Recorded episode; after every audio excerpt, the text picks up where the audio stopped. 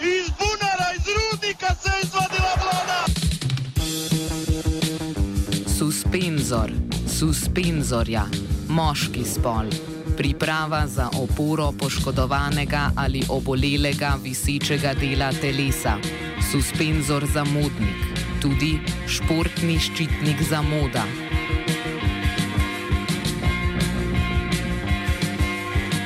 Suspenzor suspenzorja, moški spol. Nešportna oddaja o športnem in obšportnem na radiju študent. Tudi nešportni ščitnik vsega športnega. Tako je, hvatajte jih na spavanju, to je rešenje. Če bi sedaj le nekako uh, preračunali povprečen puls gledalcev, bi bil ta okrog 160 ali 170. Za gošt, za uživanje, za pjesmu na klupi, ja vjerujem i kod vas doma, cijenjeni gledatelji.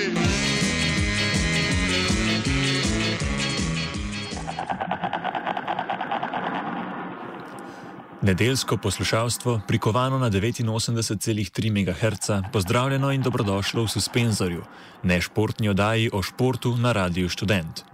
Ligaška tekmovanja v ekipnih športih so zaključena, predvsem v nogometu pa je njihov potek prvič v znatnejši meri krojila tudi sodniška tehnologija, ki te dni debitira tudi na svetovnem prvenstvu za ženske v Franciji. Beseda VAR kot kratica za Video Assistant Referee oziroma sodniška video pomoč se je predvsem udomačila v besednjaku tudi povprečnih spremljevalcev futbala. Že v svoji premjerni sezoni v UEFA-nih klubskih tekmovanjih pa je tehnološka pridobitev poskrbela za nekaj preobratov. Tehnološke rešitve naj bi zmanjšale število napačnih sodniških odločitev, hkrati pa bodo vplivali tudi na sam šport. V kolikšni meri bomo v tokratnem suspenzorju ob nogometu preverili še na primeru košarke, takoj po suspendiranih novicah. Suspendirane novice.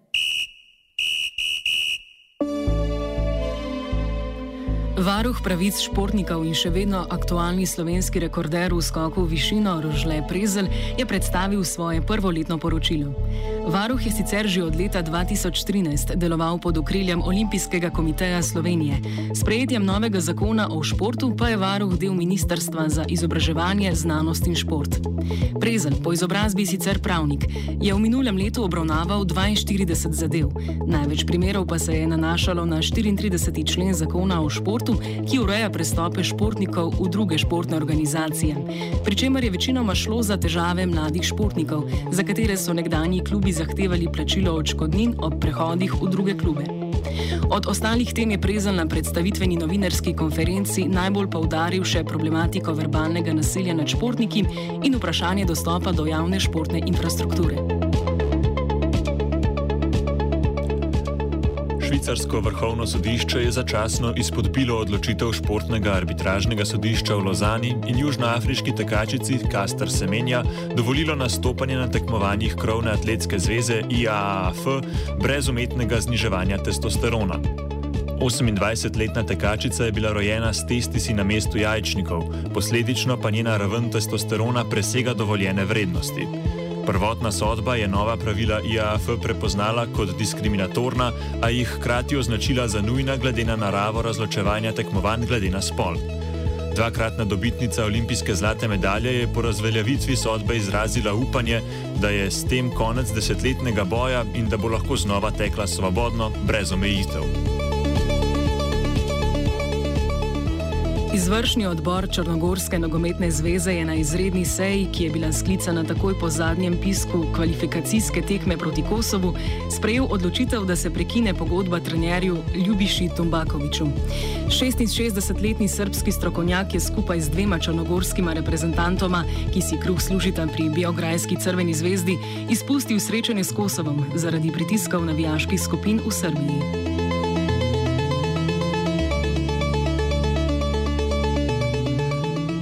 Medtem ko so se v Evropi komaj dobro začele kvalifikacije za prvenstvo celine, ki bo naslednje poletje v 12 državah, so se v Aziji že pričeli prvi izločilni boj za nastop na svetovnem nogometnem prvenstvu v Katarju leta 2022. V prvem obračunu kvalifikacije je Mongolija doma ognala Brunei z 2 proti nič in se kljub porazu na povratni tekmi uvrstila v naslednji krok.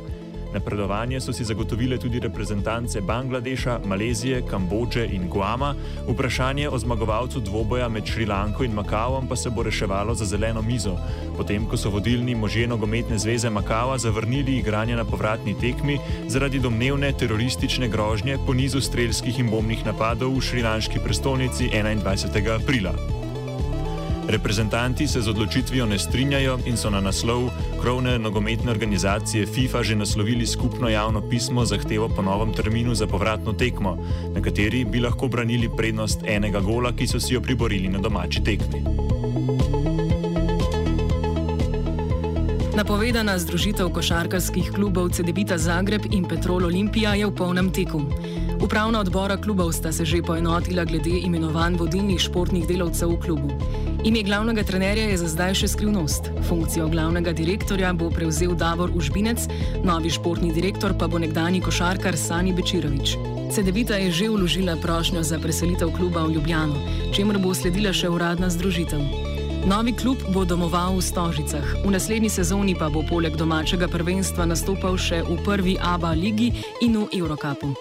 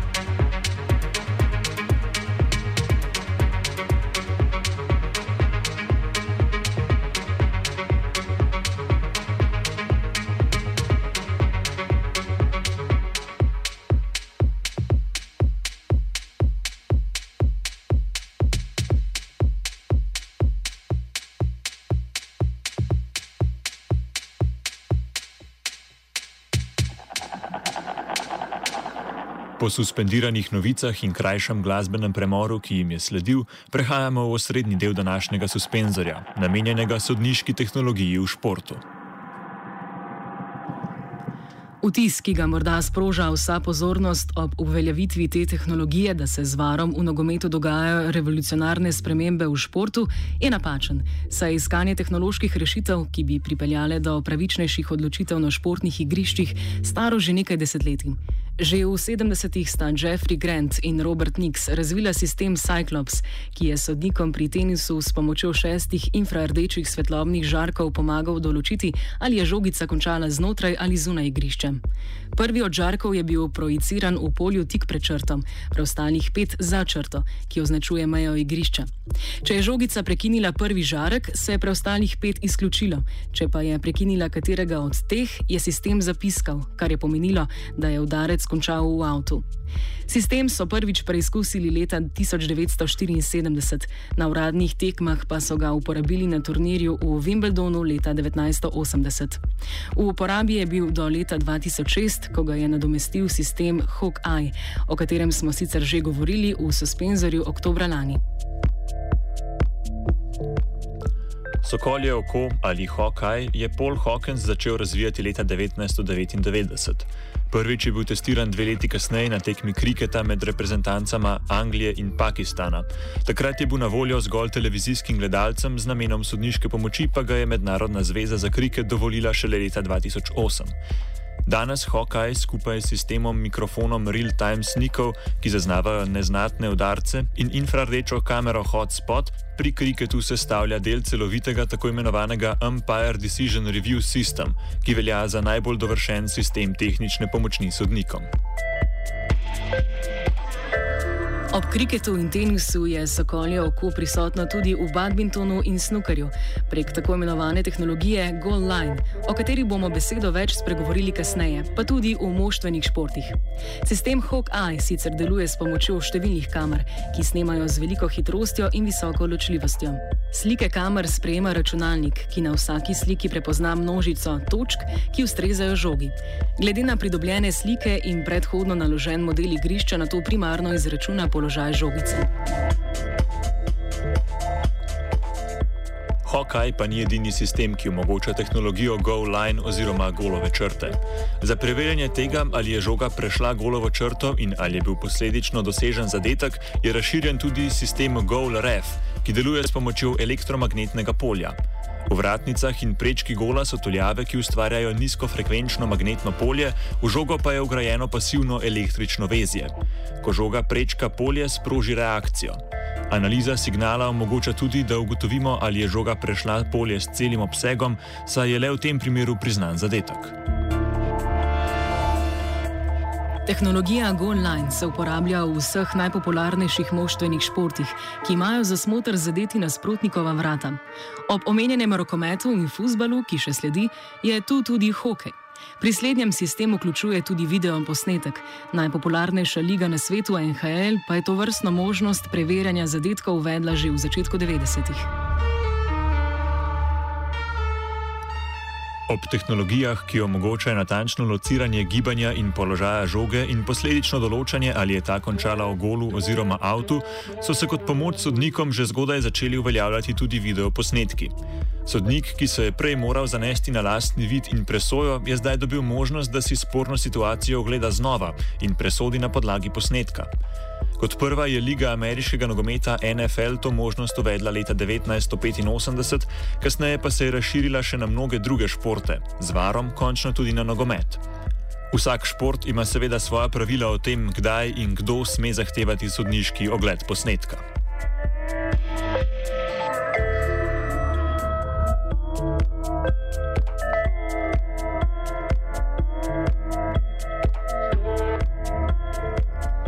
V nogomet se je začela tehnologija zaradi različnih pomislekov v primerjavi z drugimi športi vključevati pozno. Najprej je bila uvedena tehnologija Goal Line. Po dolgotrajnih pozivih naj nogomet odpre vrata tehnologiji in olajša delo sodnikom, je Mednarodni nogometni odbor s tujo kratico IFAB leta 2011 sprožil razpis in prva testiranja. Lastniki so prijavili štiri znane sisteme, leta 2012 pa sta drugo fazo testiranj uspešno prešla sistem Hawkeye in GoalRef.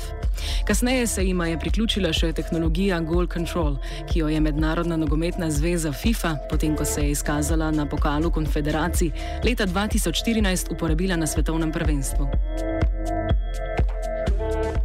Tehnologijo Goal Line se je začelo takoj po prestanih testih uvajati na nogometnih tekmovanjih različnih nivojev, danes pa je prisotna praktično v vseh ligah in na prvenstvih. Tekmovanja uporabljajo različne sisteme, ki pa imajo v skladu z UEFA-nimi oziroma FIFA-nimi pravili enako nalogo. Zaznati morajo, ali je žoga prešla golovo črto in to informacijo v času ene sekunde sporočiti sodniku.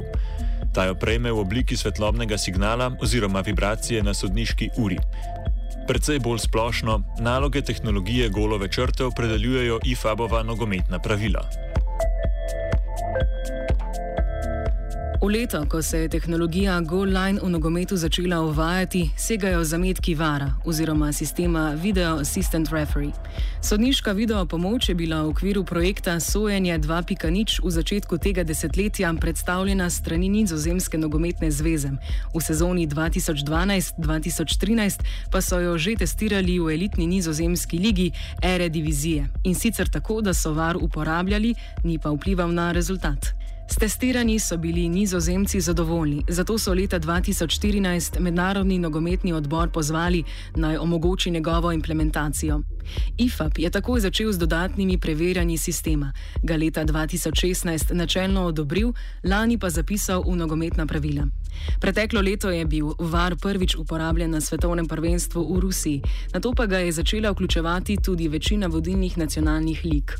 V tekmovanja Evropske nogometne zveze UEFA je bil vključen v minuli sezoni. Med ligami, ki na VAR še čakajo, pa je med odmevnejšimi angliška Premier League, kamor VAR prihaja z naslednjo sezono. VAR oziroma sodniška videopomoč je bila v nogometu uvedena pod geslom s čim manj posegi do maksimalne koristi in z namenom odpraviti najočitnejše sodniške zmote, ki so v preteklosti večkrat znale krojiti končni rezultat in biti za poražena moštva usodne. Ob varu se primer Terija Onrija, ki je Francijo na svetovno prvenstvo popeljal z roko, težko ponovi. Nespregledani in sankcionirani pa so tudi manj očitni prekrški in napake. Skritih in sodniku nevidnih prekrškov je vse manj, tako razgaljen nogomet pa, po mnenju nekdanjega sodnika Draga Kosa, marsikoga, ki je bil prej navajen na drobne sodniške napake, preseneča. Dejstvo da so, smo tako sodniki, bivši kot sedajni, kot tudi gledalci in navijači, smo seveda že kar nekaj časa zahtevali uvedbo vara. Se pa bojim, da so bili potem nekateri presenečeni, nekateri tudi negativno. Zaradi tega, ker se zdaj, ko se uporablja var, eh, se vidijo stvari, ki se prej niso videle in seveda prej je bilo dosti tega prepuščeno sodnikom, ki pač včasih, ker niso imeli možnosti pogleda na, na posnetke, tudi vsega niso videli. Zdaj pa tu, če rečem tako, milosti ni več in se zdaj se vidi vse uh, in sodniki pač sodijo ustrezno temu, kar se vidi, in ustrezno temu, kar so dobili navodila od UEFA. VAR predstavlja skupino sodnikov, ki v dislociranem prostoru nogometno tekmo spremljajo prek številnih zaslonov in so vse čas v komunikaciji z glavnim sodnikom na igrišču. Če opazijo sporno situacijo, glavnemu sodniku sporočijo, da je morda prišlo do napake in da si lahko ponovno ogleda posnetek. Sodniku pripravijo najustreznejši posnetek in ga opozorijo, na kaj naj bo pri pregledu pozoren. Sodnik ima pri tem tri možnosti: da opozorilo ignorira, si ogleda posnetek in na podlagi tega presodi, ali pa sprejme odločitev zgolj na podlagi opozorila vara, kar je najpogostejše v primeru prepovedanega položaja. Sodnik mora komunikacijo z varom signalizirati tako, da so o njej obveščeni tudi igravci, drugi posredni udeleženci igre in gledalci. Ko spreme opozorilo vara, to nakaže, tako da se prime za slušalko. Ogled video posnetka pa signalizira zdaj že vsem dobro poznanim okvirčkom oziroma pravokotnikom, ki ga pokaže z rokami. Ne glede na velik nabor posnetkov in vso tehnologijo, je končna odločitev še vedno v rokah glavnega sodnika na igrišču, ki lahko pomoč tudi zavrne. Kako dejstvo, da uporaba tehnologije VAR za sodnika ni obvezojoča, vpliva na objektivizacijo sojenja, ki je eden od smotrov sodniške pomoči? Pravnica Vesna Bergant Rakočevič, avtorica članka VAR, vrljiv privid boljšega sojenja v nogometu, v odgovor postreže statistiko.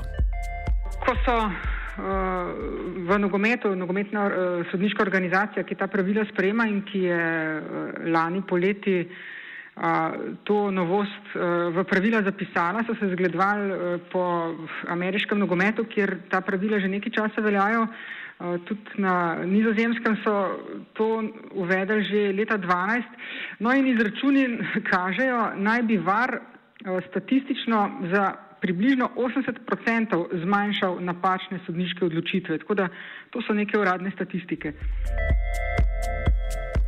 Drago Kos ob tem opozarja, da je treba popolno avtonomnost sodnika imati z rezervo, saj je ta vezana jasna pravila FIFA in UEFA, ki jim je dolžan slediti in v resnici ne dopuščajo veliko manevrskega prostora pri odločitvi.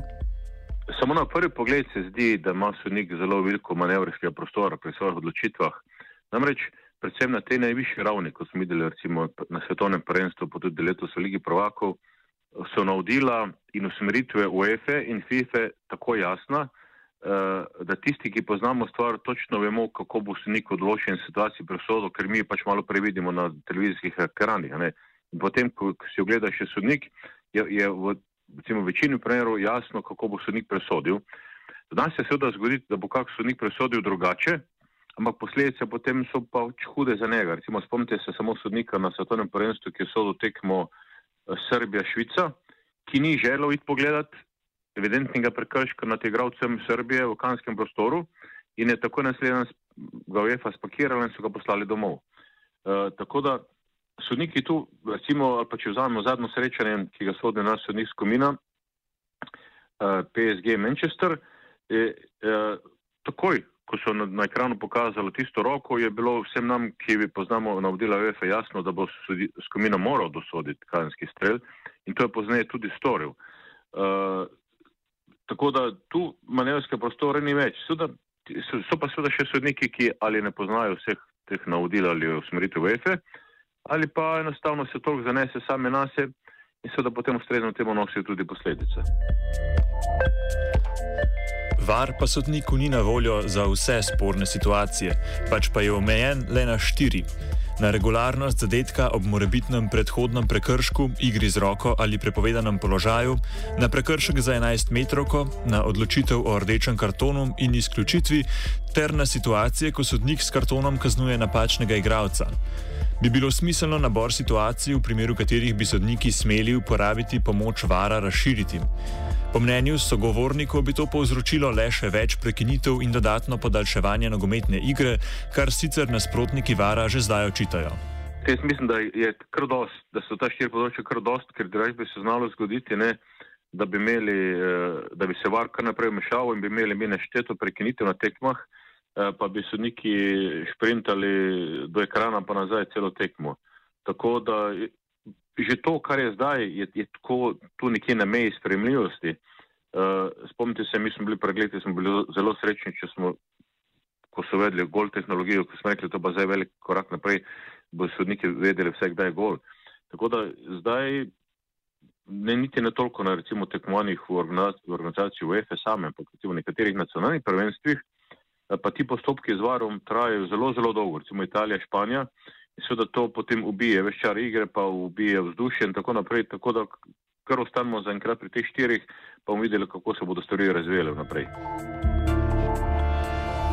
Vesna Bergant Rakočevič. Situacije, ki so lahko problematične, vemo, so razni offsedi, ki niso neposredno z golom povezani, so, je igra z roko, so rumeni kartoni in cel kup drugih zadev. No.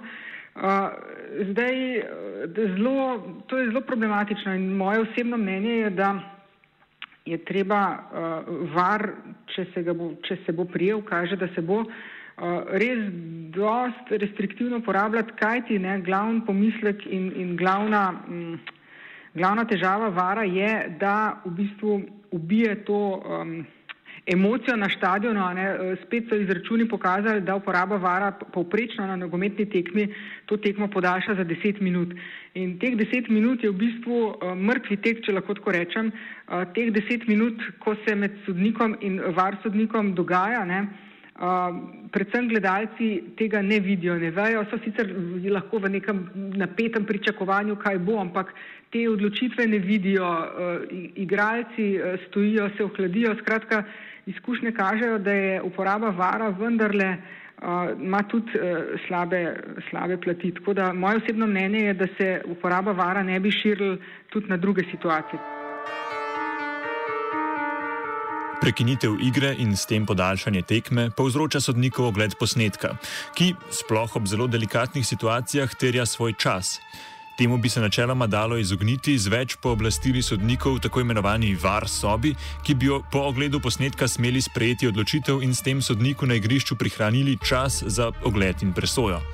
Drago Kos nad takšno idejo ni navdušen, saj smatra, da mora odločiti tisti, ki je na igrišču in ima neposreden pregled nad igro. Ob tem pa dodaja, da kljub omenjenim kompetencam ne gre podcenjevati vloge sodnikov v tako imenovani var sobi. Končno odločitev mora imeti vedno tisti, ki je na terenu, ker se morajo jasno vedeti, da je on uh, gospodar celotne tekme. Ne bi podcenjeval sodnikov, ki so v var sobi, zato ker so to zelo izkušeni sodniki iz in to iz elitne skupine sodnikov, vendar eh, vede se mora, ne, kdo je tisti, ki je na koncu odločen. Ne moramo priti v situacijo, da bi se glavni sodnik pa sodnik v varu med sabo kregali, ne, kaj zdaj prav, pa kaj ni prav. Naloga sodnika v varu je, da, da pokliče glavnega in še to samo točno v določenih situacijah. Var ne more intervenirati v katerikoli situaciji, kjerkoli na terenu, lahko intervenira samo v štirih situacijah, ki se dogajajo v kanskem prostoru, pa mogoče nekam druga malenkost. Ampak on ga lahko pokliče, ga upozori na to, da je stvar vredna ugleda, eh, lahko mu tudi poje, kakšno je njegovo mnenje, ampak glavno, zadnjo odločitev ima pa glavno sinik, ker, on, ker se tudi mora biti odgovoren in kdo bo na koncu potem prevzel recimo, odgovornost za pravilno ali pa nepravilno odločitev. Vesna Bergant Rakovčevič se strinja z Dragom Kosom in dodaja, da bi takšna rešitev spremenila koncept nogometne igre, po katerem je sodnik njen sestavni del. Ta ideja ni kaj posebej aktualna in moram reči, da eh, jo tudi jaz osebno eh, ne bi podprla, kajti eh, vendar gre za to, da se tekma dogaja v živo in da v bistvu dejansko je v vodenje tekme v, v rokah glavnega sodnika. In zdaj, če bi bil on samo um, kako ne rečem, um, sprejemnika ne, neke odločitve, ki bi bila nekje druge uh, sprejeta, potem se to prenese v bistvu sojenje nekam drugam, kjer je tudi to pač nedostopno, ne, zdaj, razen če bi to popolnoma spremenili percepcijo športne igre, ne, da bi v bistvu ti lahko gledal hkrati uh, kamere, živo tekmo, ampak ravno to je v bistvu čar živega dogajanja, ne, da se dogaja v živo. Uh, tako da jaz mislim, da je to uh, absolutno uh, pravilen pristop, da je var sodnik samo pomočnik, samo nek svetovalec. Ob tehnično-časovnih dimenzijah var vpliva tudi na bolj subjektivne vidike futbola. Možnost ogleda posnetka za določen čas odloži končno odločitev, kar ima najširše posledice v primeru zadetka. Čustva in emocije igralcev, drugih nogometnih akterjev in občinstva so vezana na trenutek, ko žoga preide golovo črto oziroma se zatreše mreža v vratih, kar pa z varom ni več ključni trenutek. Obstaja namreč možnost ogleda posnetka, kar končno odločitev in veselje odloži ali pa jo celo spremeni. Var se rad poigra z emocijami, je ob neki priložnosti izrekel hrvaški komentator sojenja in nekdani sodnik Marijo Strahonja. Kako je to, pa najbolje vedo nogometaši in navijači Manchester Cityja, ki jih je v polfinalu letošnje lige prvakov varu sodnikovem podaljšku popeljal od zmage in euforije do izpada. Drago Kos od tako daljnosežnih posledic vara ostaja distanciran in meni, da so te predvsem posledica kratkotrajnih izkušenj z novo tehnologijo. Sčasoma se bomo na njo navadili, z več prakse pa se bodo po njegovem mnenju skrajšale tudi prekinitve in se bo optimiziralo sprejemanje odločitev, tako da bo to čim manj vplivalo na samo igro in njeno subjektivno dojemanje strani različnih akterjev. Zagotovo se spremenja zdaj eh, duh nogometne tekme. Uh, Ampak, gledajte, pri vsaki novosti se vedno zgodi, da gremo neprej v skrajnosti. Ne? In uh, pa dost vprašanj še odprti, pa nedorečenih. Jaz sem pripričan, da se bo roko dveh, treh let, da se bodo tudi stvari vnesle, da se bodo, da se bodo navar, navadili tako sodniki, kot tudi igravci, kot trenerji, pa tudi navijači. Uh, da potem se nam bodo stvari zdele same po sebi uh, razumljive. Danes, ko, recimo, ko se piskajo stvari, ki se včasih ne bi piskale, ker jih pač nišče ne bi videl, ali pa se ne piskajo stvari, ki bi včasih sodnik zlahka nasedel na njih, je seveda drugače in to, verjamem, povzroča dosti nevolje. Ampak, uh, kot sem že rekel, z časoma se bodo stvari uredile, tudi UEFA bo po moje z ustreznimi tolmačenji uh, pravil uh, morala prispevati k temu, da, bo, da se bo vrnil tisti čar nogometni igri, ki smo ga poznali, in potem stvar ne bo več problematična. Številne sodniške napake, namerne ali nenamerne, bolj ali manj očitne, so zaradi posledic postale nepogrešljiv del nogometne zgodovine. Maradonina božja roka in zadetek v četrtfinalu svetovnega prvenstva leta 1986 proti Angliji sta že davno postala legendarna, ob varu pa bi se najverjetneje težko zgodila. Z novo tehnologijo bi lahko pričakovali tudi manj prostora za neskončne obnogometne debate o sodniških napakah, a se to za zdaj ne potrjuje. Navijače in druge nogometne zanesenjake razburja tudi var. Vesna Brgant Rakočevič. Je stvar neke človeške presoje, kaj je to očitna napaka. Vemo, so bile že zdaj, odkar je VAR bil uh, uveden lani za svetovno prvenstvo, uh, je bilo par takih očitnih situacij, mislim, da je bila neka tekma uh, med Srbijo pa Švico, uh, ko je bil res nek zelo očiten prekršek, uh, ki se ga pa sodnik ni odločil, da ga bo preveril z varom, pa je bilo vprašanje pač 11 metrov, ker recimo. Ne. Tako da še vedno je tukaj. Uh, bo ostalo med navijači to, pač sej uh, motiti se človeško, uh, res je namen vara te človeške napake eliminirati, predvsem zato, ker gre dejansko za enormne finančne vložke ne, in da ni to prepuščeno neki res človeški zmotljivosti. Ampak jaz mislim, da drugače ne gre. Zdaj, uh, Do vara se mi zdi, da prevladuje nek naklonjen odnos eh, tako med akteri, se pravi športniki, trenerji, sodniki nogometnimi in mislim, da tudi predvsej privržencev, seveda so mnenja, niso popolnoma enotna. Ampak zdaj vidimo, eh, recimo ravno zadnje tekme lige prvako ali pa tudi že omenjeno svetovno prvenstvo lani, um, si spet vsi zelo po svoje razlagamo, recimo situacija roka v 11-metrskem prostoru. Zdaj var to iz ne vem kolikih kotov lahko pokaže in še vedno ne, uh, uh, isto gledamo in različno vidimo, uh, tudi na posnetku. In zdaj, uh, čeprav vsi pozdravljajo vara, ne, zanč, mislim, da Guardiola je rekel, ja, sej, jaz sem zelo zavaran, ampak mislim, da tudi var je pokazal, da roka je bila, pa ni bila. Skratka, Eh, tukaj se ne da čist oganta. Ne. Jaz mislim, da var je dobrodošel pri pomoček, tako kot Goal Line Technology, malo drugače sicer, ne, ker ti se res čisto objektivno je žoga čez črto ali ne. Uh, tle pa uh, mislim, da je treba, da, da, da, ne, da ne bo no, uh, zdaj popolnoma odpravu uh, človeških napak, kar pa je tudi uh, človeško razumljivo in se temu ne da ogant in tudi mislim, da poskusi, ki bi se temu hoteli čist ogant, so pa dejansko neka robotizacija.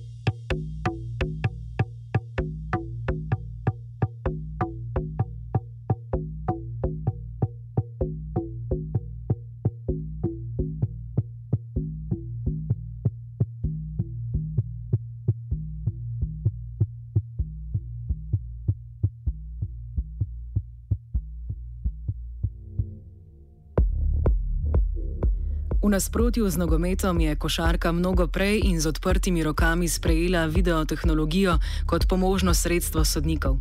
Narava igre je pač takšna, da je igra polna prekinitev, tako da je dodaten čas namenjen ogledom videoposnetkov manj moteč. Tehnologijo Instant Replay predstavi slovenski euroligaški sodnik Damir Javor. Zdaj v košarki imamo mi tako imenovan Instant Replay.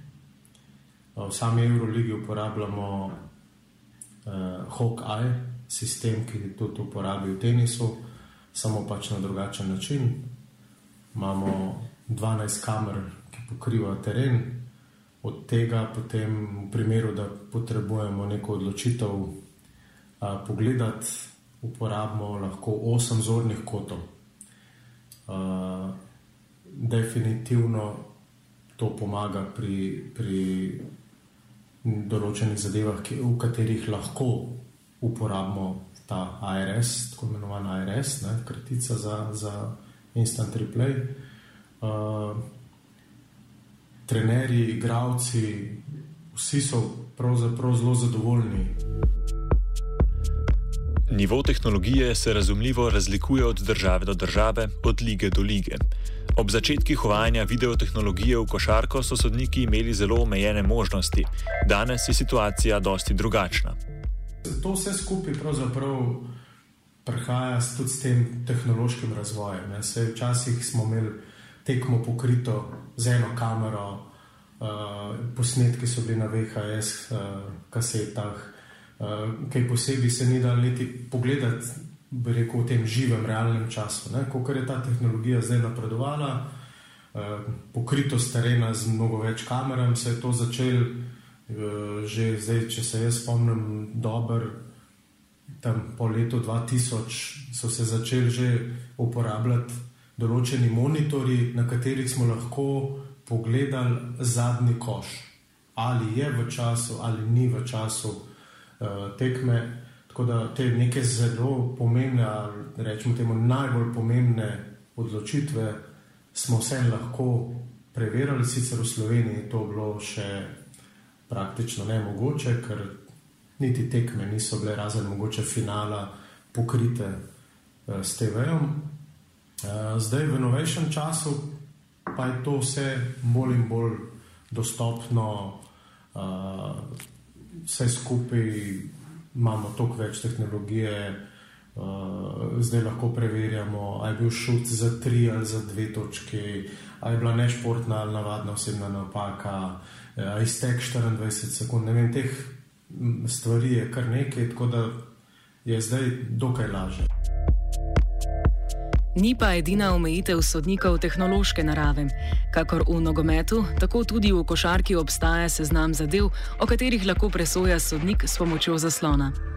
V celotni tekmi lahko kadarkoli preverjamo uh, šut za dva ali tri, potem uh, primer, uh, če ne bi vedeli, kdo je izvajalec prostih metrov, metov, ki se včasih pa zgodi, malo, da je malo konfuzno, pa ne vemo točno.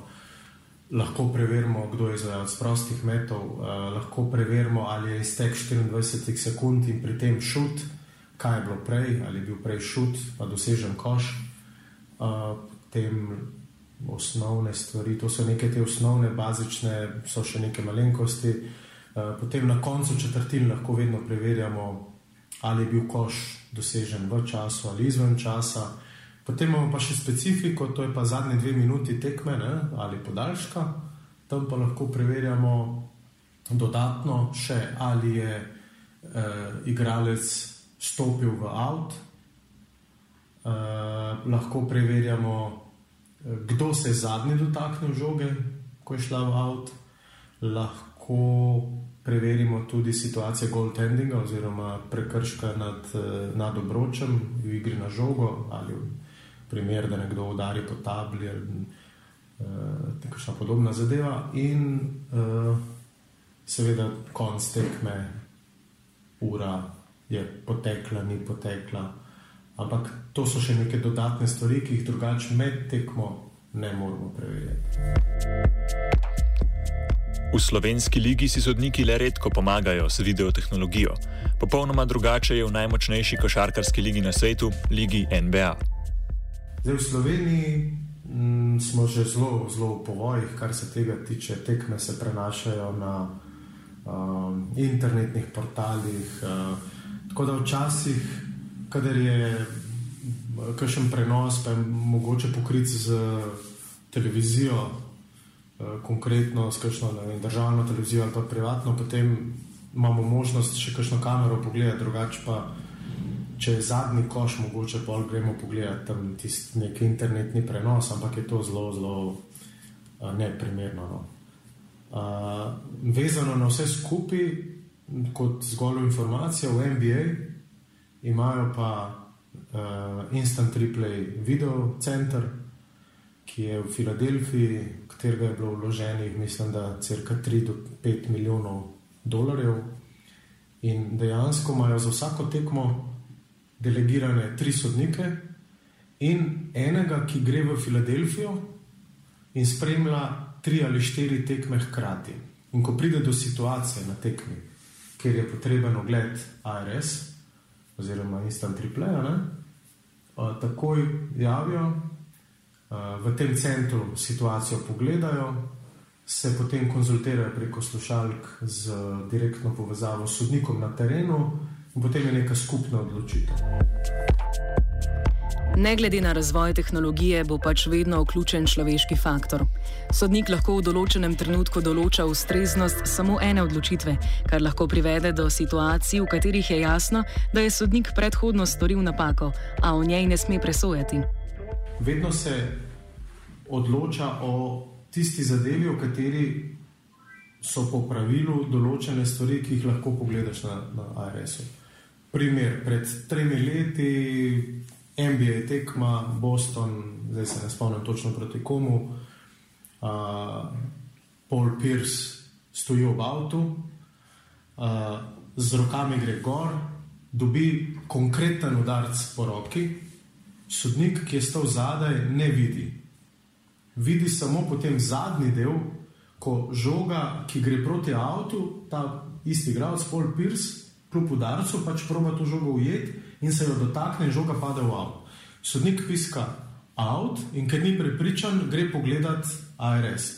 In potem, kaj se zgodi na ARS-u in sodnik, in ker pač v NBA ponavljajo stvari tudi na, na monitorju, cela dvorana vidi, da je to konkreten, konkretna osebna napaka, ampak sodnik enostavno lahko samo pač reče: Ja, je, ampak ne smemo o tem odločati lahko samo odločam, kdo se je zadnji dotaknil. Zadnji se je dotaknil Pirs, zato je žoga za nasprotnika. Ker potem, če bi šli pa v to, ne, uh, po moje, je potem to konc uh, športa, da se vsaka osebna napaka preverja, vse, uh, ker potem bo to izgubil sploh več smisel. Potem lahko robote damo na teren, pa ne igrajo. Ne. Javor opiše, kako poteka priprava na tekmo z perspektive sodnika. Sodniki na najvišjem nivoju morajo poznati vse posebnosti igralcev, vključno z načini, na katere poskušajo ukaniti sodnika. Vsak od sodnikov z Eurolige skautira vsako svojo naslednjo tekmo. V primeru vem, dveh ekip, igrate med sabo, definitivno pogledaš prejšnje tekme pa tudi vmes med sezono. Jaz, se, jaz pogledam svojo tekmo, ampak vmes pogledam še tri, štiri druge. Ker pač to je nek poklic, tak, ki je najboljši način napredka, je, da gledaš čim več tekem. Ne?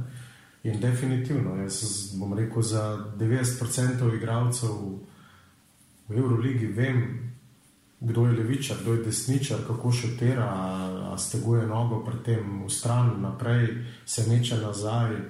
Mi imamo tako imenovani flop, to je metanje nazaj, oziroma ko igralec, ki, eh, na katerem je nek kontakt, potem eh, ta kontakt prikaže mnogo večji kot je, temu mi rečemo pač flopping, oziroma ko v napadu igralec vodi žogo in začuti kontakt, pa z glavo nazaj zamahne, pa se odbije, tem, temu rečemo pa fake ali pretvarjanje. Ne? In uh, imamo enostavno pravilo, če to nekdo od sodnikov vidi na terenu, prvič, ko to vidi, ob prvi prekinitvi se ta ekipa, opozorila ta igralec in celotna ekipa skupaj s trenerjem obvesti, ura je pač ustavljena, pride se do igralca in do trenerja, pove v naslednjem primeru, ko bo katerikoli igralec te ekipe flopiral ali fejkal, uh, bo ekipa kaznovana s tehnično napako. In potem to dosledno izpolnjujemo. Sodnik na vsaki tekmi sprejme do 100 odločitev, saj, kot podari Javor, je tudi odločitev, da ne piskaš nečesa, še vedno odločitev. V poprečju je od teh stotih odločitev pet napačnih, ali drugače rečeno, sodniki sodijo s 95 odstotno natančnostjo. Ne glede na število kamer in razvoj tehnologije, ima ta odstotek očitno zgornjo mejo in ne bo nikoli dosegal stotih odstotkov. Zadnja beseda bo pač vedno sodnikova.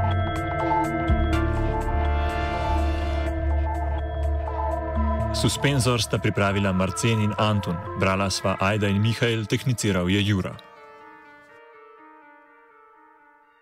Je li to mogoče? Evo što je nogomet! Iz ničega, iz bunara, iz rudnika se je izvadila vlada!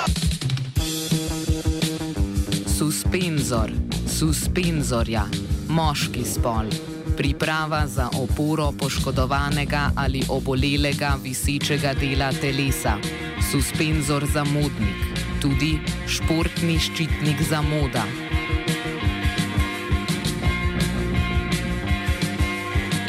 Suspenzor, suspenzorja, moški spol.